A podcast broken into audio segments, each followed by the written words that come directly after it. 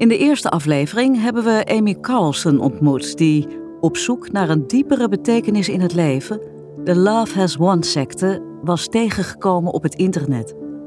Amy had de secte uitgebreid bestudeerd en raakte er uiteindelijk van overtuigd dat zij God was en dat zij haar kinderen en gezin moest verlaten om de secte te leiden. Na een paar jaar als geestelijk leider nam haar alcoholgebruik steeds meer toe. Haar regels voor de gemeenschap en haar eisen aan de leden werden steeds bizarder en onzinniger. Op 29 april 2021 werd in een huis van de secte een gedeeltelijk gemummificeerd lichaam gevonden, gewikkeld in een slaapzak, versierd met kerstlichtjes en glitters op de ogen. Wat was er voorafgegaan aan dit macabere scenario? Was het een moord?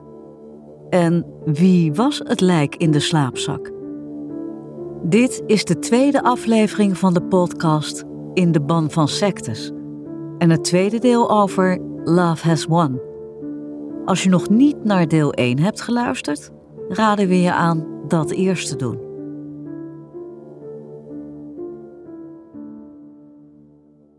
In deze podcast kunnen beschrijvingen en details voorkomen die sommige luisteraars als gewelddadig en beledigend en dus als storend kunnen ervaren. I just need a tequila. It takes five rounds of whores to get me a tequila. Wait, are you kidding me? You know what? You can take your half-ass god and shove. I'm gonna take another tequila shot. I'll do that. Bitch, where's my tequila shot? it's called evolution, bitch.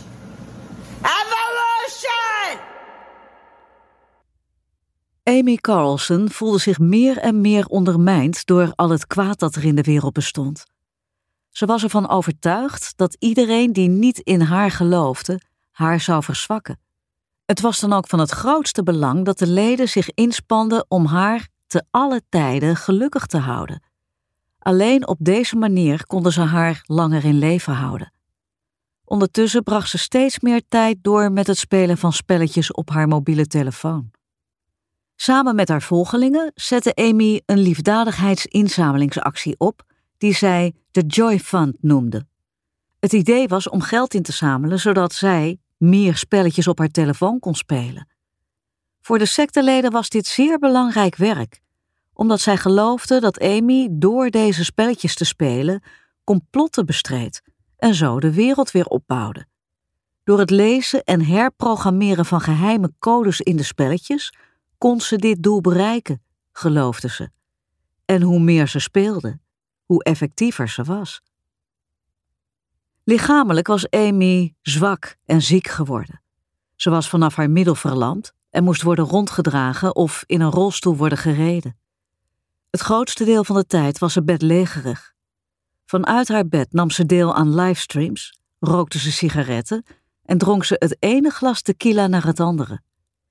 In een interview met tv-fenomeen Dr. Phil legde ze uit dat ze kanker had en dat het al stadium 5 had bereikt.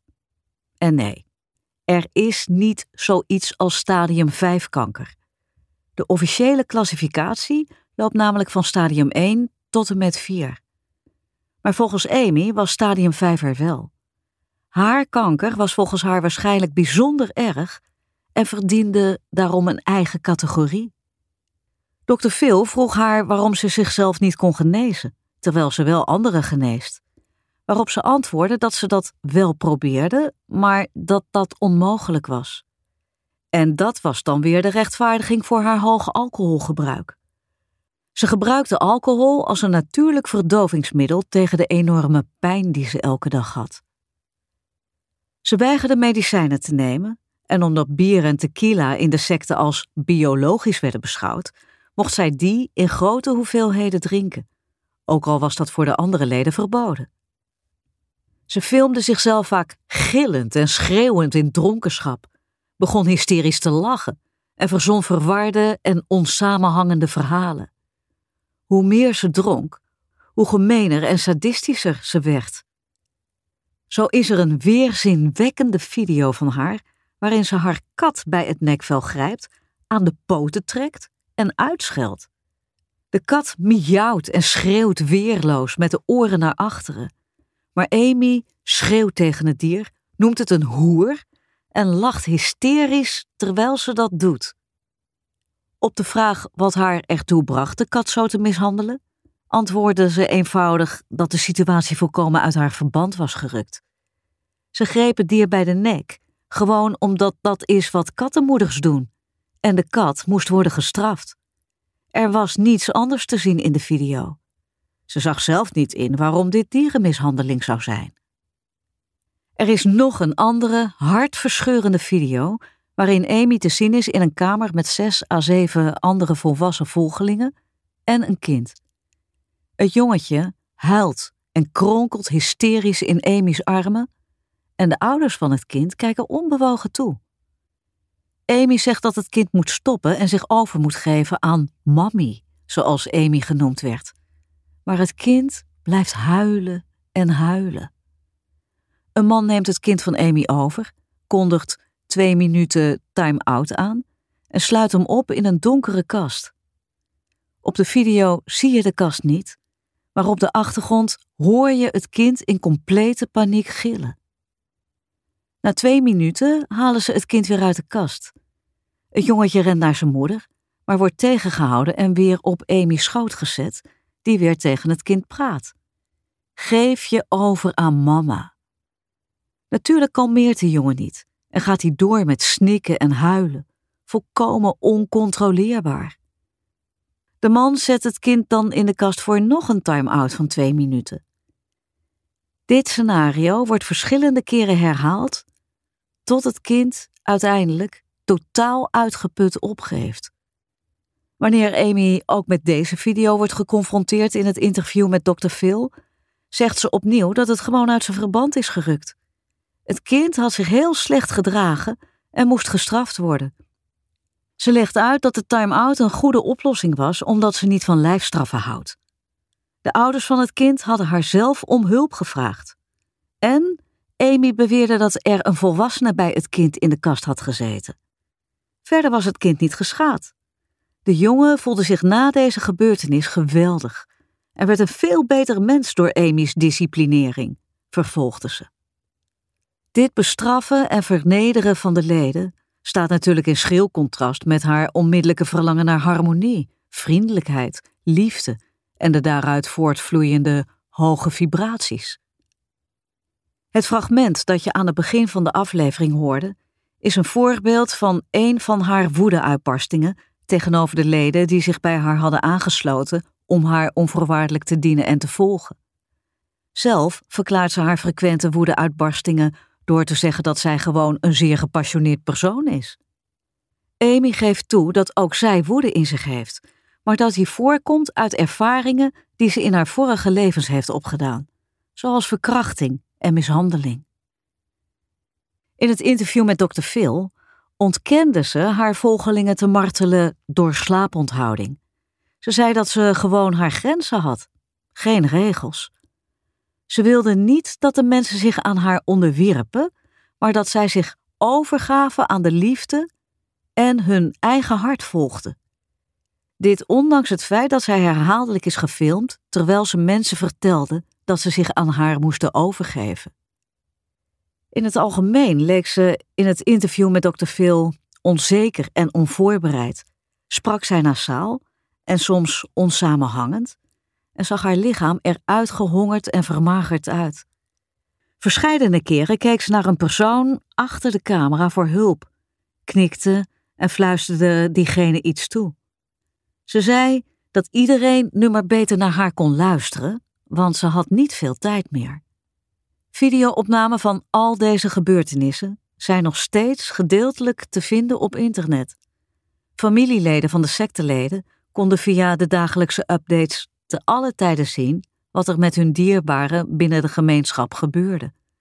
Verscheidene familieleden namen daarom contact op met de plaatselijke politie en deden aangifte van mishandeling en verdenking van illegale fondsenwerving. Maar de secteleden zelf ontkende dit alles.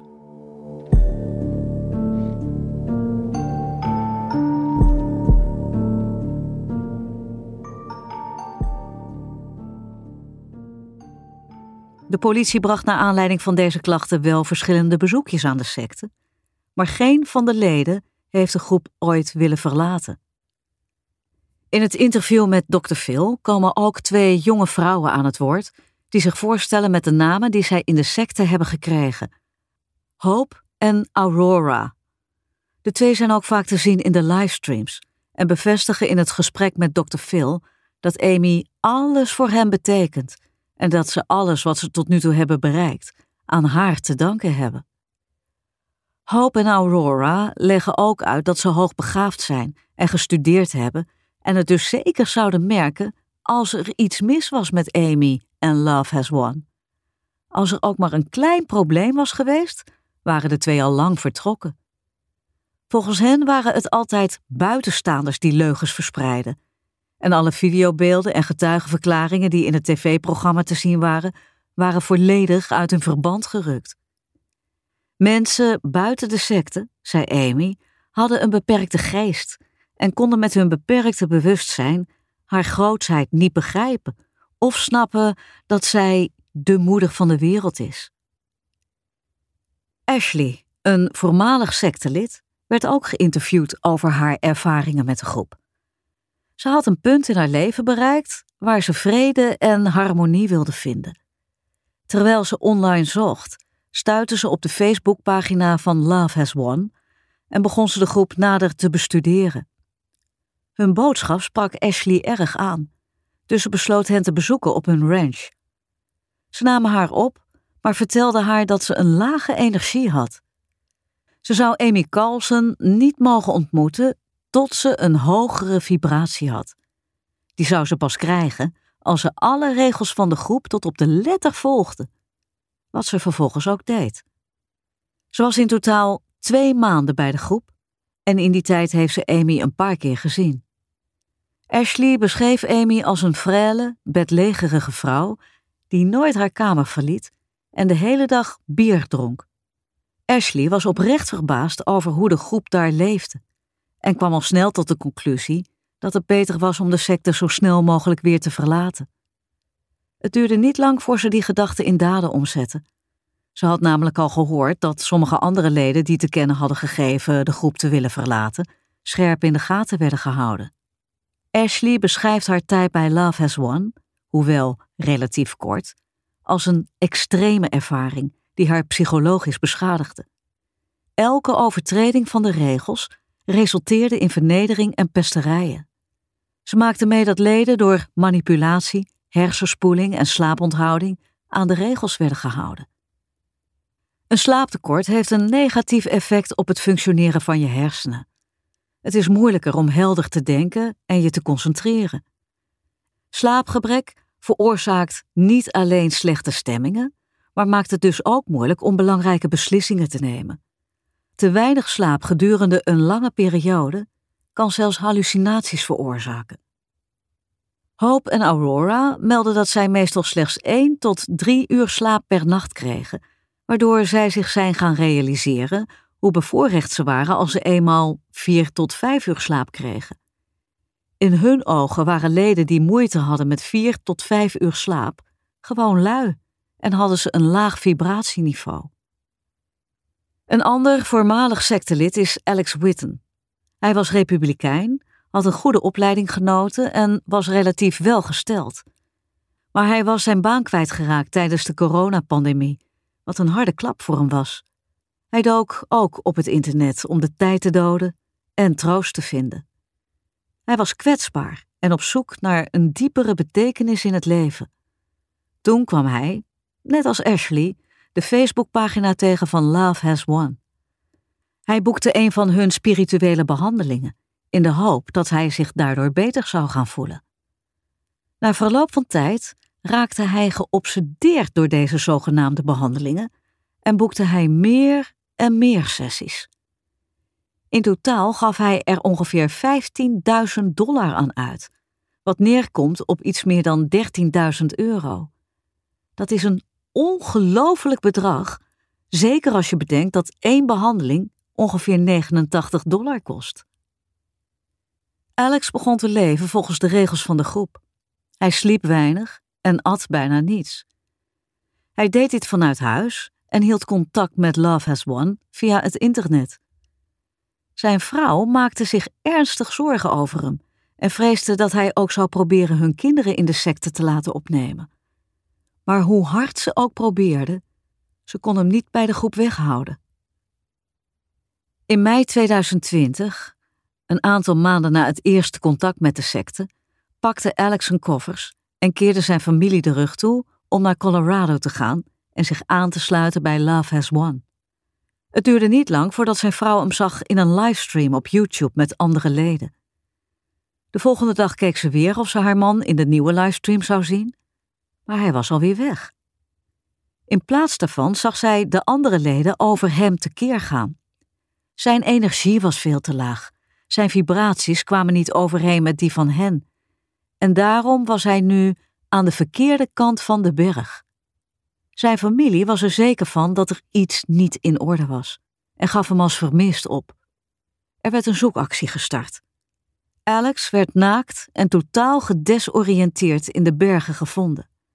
Door slaaptekort had hij hallucinaties.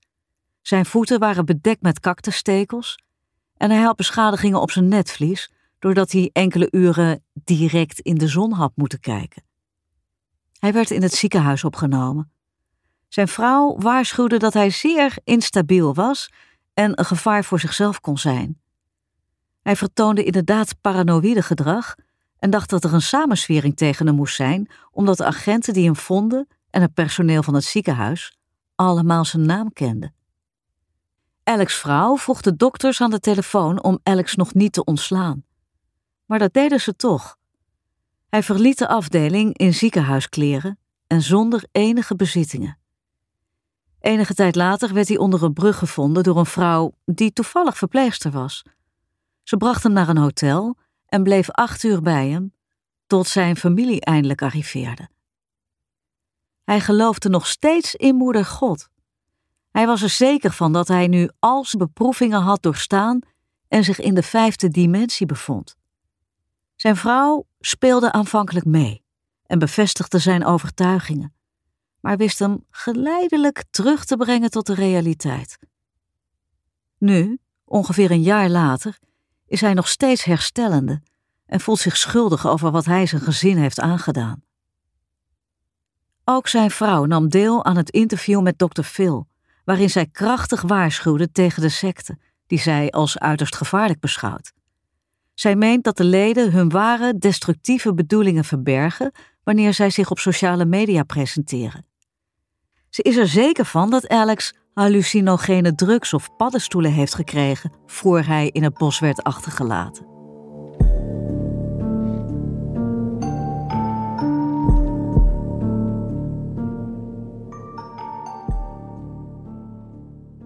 De Facebook- en YouTube-kanalen van Love Has Won hadden al een groot bereik. Maar na verloop van tijd werden zelfs enkele beroemdheden tot de secte aangetrokken, waardoor ze nog meer volgers kregen. Een van die beroemdheden was Susie Hilfiger, de ex-vrouw van modeontwerper Tommy Hilfiger. Ze sloot zich aan bij de groep en beloofde geld te doneren aan hun goede doel. En dus was het te zien tijdens een lange sessie in een van de livestreams. Ze was echter maar kort lid voordat ze de groep weer verliet. Naar verluid is ook dit niet zonder slag of stoot gegaan, want in de daaropvolgende video's werd ze, net als Alex Witten, uitgescholden en belachelijk gemaakt. De secte was altijd op zoek naar meer geld. Niet alleen verdiende ze geld met spirituele activiteiten, maar ze moedigde volgelingen en belangstellenden ook aan om donaties te doen. Volgens hun eigen beweringen hadden dergelijke fondsenwervingsactiviteiten geen winstoogmerk. Maar veel critici zijn ervan overtuigd dat dit niet waar kan zijn.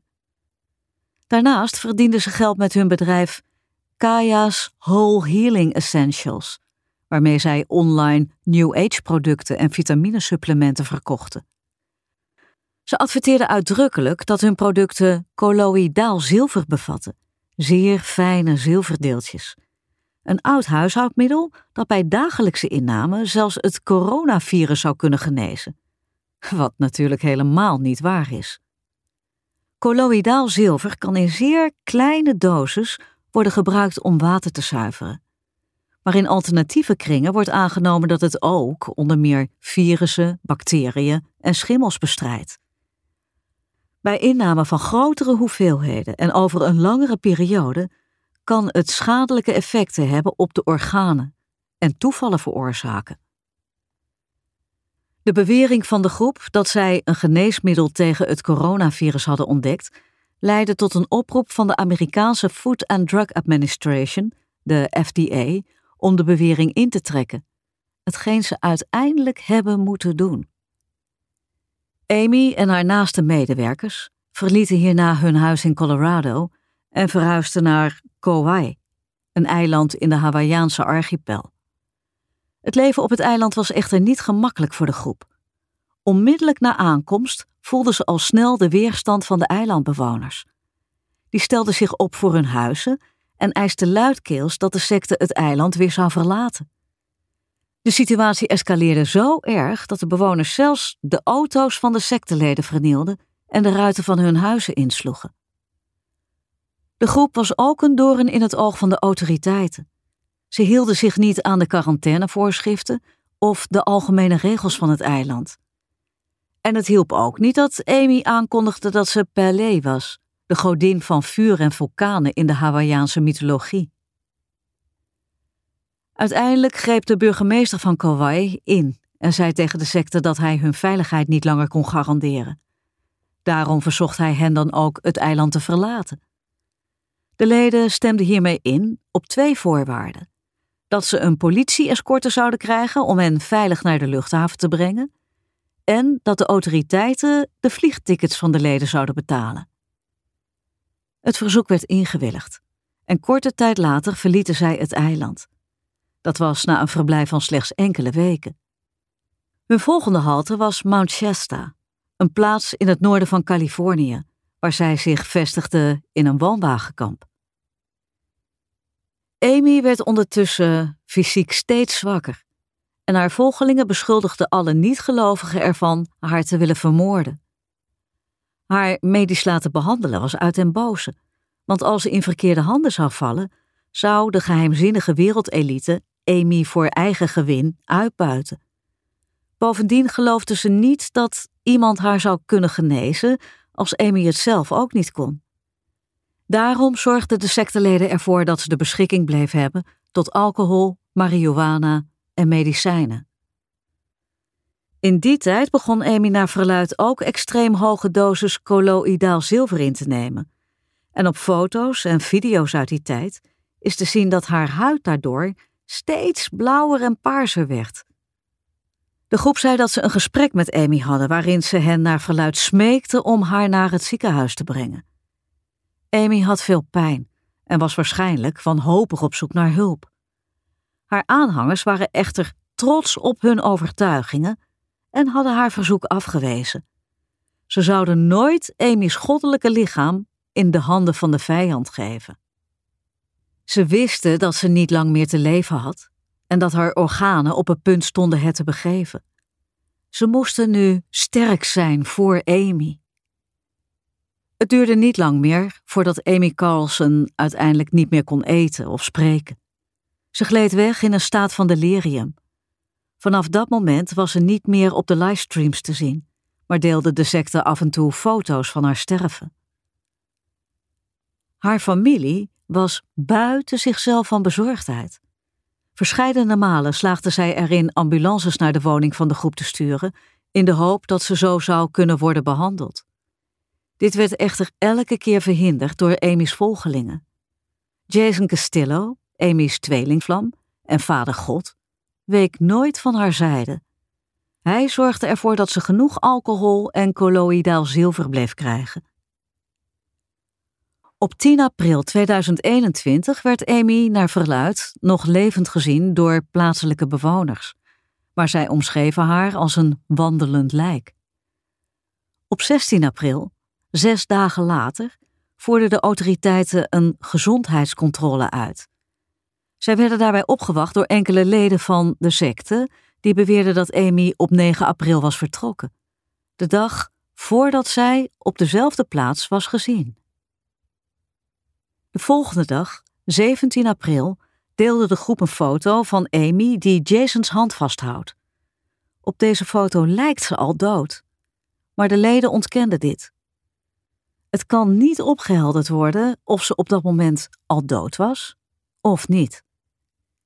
Amy's zus nam vervolgens deel aan de volgende livestream en vroeg hoe het met Amy ging en of ze nog in leven was. De leden beschuldigden haar ervan onder de invloed te zijn van de mainstream media en haar eigen verhaal te verzinnen en leugens en geruchten te verspreiden over Love Has Won. Uiteindelijk vertelde ze haar lachend dat God niet kan sterven. Het duurde echter niet lang voordat ze triomfantelijk Amy's dood aankondigde op Facebook en vierde dat ze nu geen pijn meer had. Ze lieten hun volgelingen weten dat Amy nu in de vijfde dimensie was en dat zij deze gebeurtenis groot zouden gaan vieren. Amy Carlson is slechts 45 jaar oud geworden. Het was Miguel Lamboy, ook lid van Love Has Won, die op 27 april aan een politiebureau in Colorado meldde dat hij een lijk had gevonden in zijn huis in Moffat. Hij wist niet dat vijf leden van de groep hun intrek hadden genomen in zijn huis, maar ze hadden hem gezegd dat ze een verblijfplaats nodig hadden. Miguel getuigde dat hij had geprobeerd het huis met zijn zoon te verlaten, maar dat de andere leden hem hadden vastgehouden om te voorkomen dat hij naar de politie zou gaan. Op 29 april werd zijn huis doorzocht en vond de politie het gedeeltelijk gemumificeerde en oogloze lichaam van Amy, versierd met kleurrijke kerstverlichting en gewikkeld in een slaapzak. Deze hele omgeving en de versieringen rond Amy's lichaam gaven aan dat het een heilige plaats was voor de leden, een soort altaar. De agenten doorzochten het hele terrein en ontdekten dat de achterkant van de SUV van de groep naar achteren was geklapt, kennelijk om iets te vervoeren. De secte was gevraagd het woonwagenkamp in Californië te verlaten omdat het er te vol was. En alles wees erop dat de SUV was gebruikt om Amy's lichaam van Californië naar Colorado te vervoeren. De lijkschouwers konden niet langer vingerafdrukken van het lichaam nemen, dus moesten er gebitsgegevens en DNA-tests worden gebruikt om vast te stellen dat het lichaam inderdaad Amy Carlson was. Uit het onderzoek bleek dat niet kon worden uitgesloten dat Amy al weken dood was. Het moment van overlijden kon zelfs in maart zijn, hoewel zij naar verluid op 10 april levend gezien zou zijn. De doodsoorzaak is nog niet definitief opgehelderd, omdat nog niet bekend is wanneer het autopsierapport klaar is. In het laatste rapport staat dat er geen laboratorium beschikbaar is dat haar lichaam kan testen op zware metalen. De autoriteiten weten dat de secte elektrolyse gebruikt om metalen in verschillende oplossingen te splitsen. Die werden vervolgens online te koop aangeboden. De politie onderzoekt of Amy Carlson op deze manier zware metalen kan hebben binnengekregen. Er waren geen sporen van misbruik op het lichaam. De leden van de groep zijn ervan overtuigd dat Amy overleden is aan de gevolgen van kanker, hoewel die ziekte officieel nooit bij haar is vastgesteld. Laat staan dat zij een behandeling heeft ondergaan. De leden die op de plaats waren waar het lichaam werd gevonden, werden gearresteerd wegens kindermishandeling en het verstoren van de rust van de overledene. De aanklacht kindermishandeling is gebaseerd op het feit dat de kinderen gedurende langere tijd in de buurt van het lijk zijn geweest. De aanklacht wegens ordeverstoring vloeide voort uit het feit dat de dood van Amy niet bij de autoriteiten was gemeld, dat het lichaam op reis leek te zijn meegenomen en dat er pogingen waren ondernomen om het lichaam van Amy Carlson te mummificeren.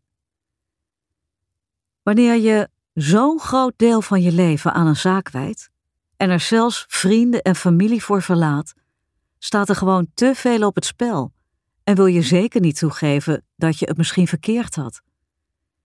Tegelijkertijd kan het zijn dat je binnen de groep nieuwe, belangrijke relaties hebt opgebouwd die je niet wilt verliezen. Als je er lang naar hebt verlangd om zin in het leven te vinden, of gewoon eindelijk het gevoel te hebben dat je ergens bij hoort, is het moeilijk en misschien een beetje gênant om aan jezelf en anderen toe te geven dat je fout zat vooral als dat betekent dat je helemaal opnieuw moet beginnen. Amy's moeder vertelde de BBC het volgende in een interview. Ik wil waarschuwen over hoe gevaarlijk secten zijn. En dit verhaal moet een waarschuwing zijn voor de anderen die overwegen zich bij een secte aan te sluiten. Hopelijk kunnen we iemands moeder, zus of kind helpen. In juni 2021 besloot het Amerikaanse televisienetwerk HBO een documentaire te maken over de Love Has Won secte. Misschien kan deze documentaire nieuwe inzichten verschaffen. Volgende week zullen wij u in de ban brengen van de secte The Salafanians. Een therapiegroep die eind jaren 50 in New York werd opgericht en in opstand kwam tegen het traditionele gezinsbeeld.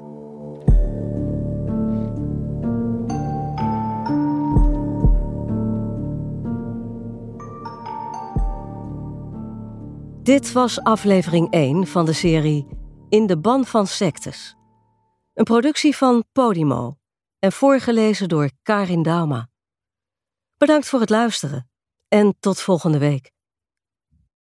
Als je meer in de ban van sectes wilt beluisteren, ga dan naar podimo.nl. Meld je aan en luister de eerste 30 dagen gratis.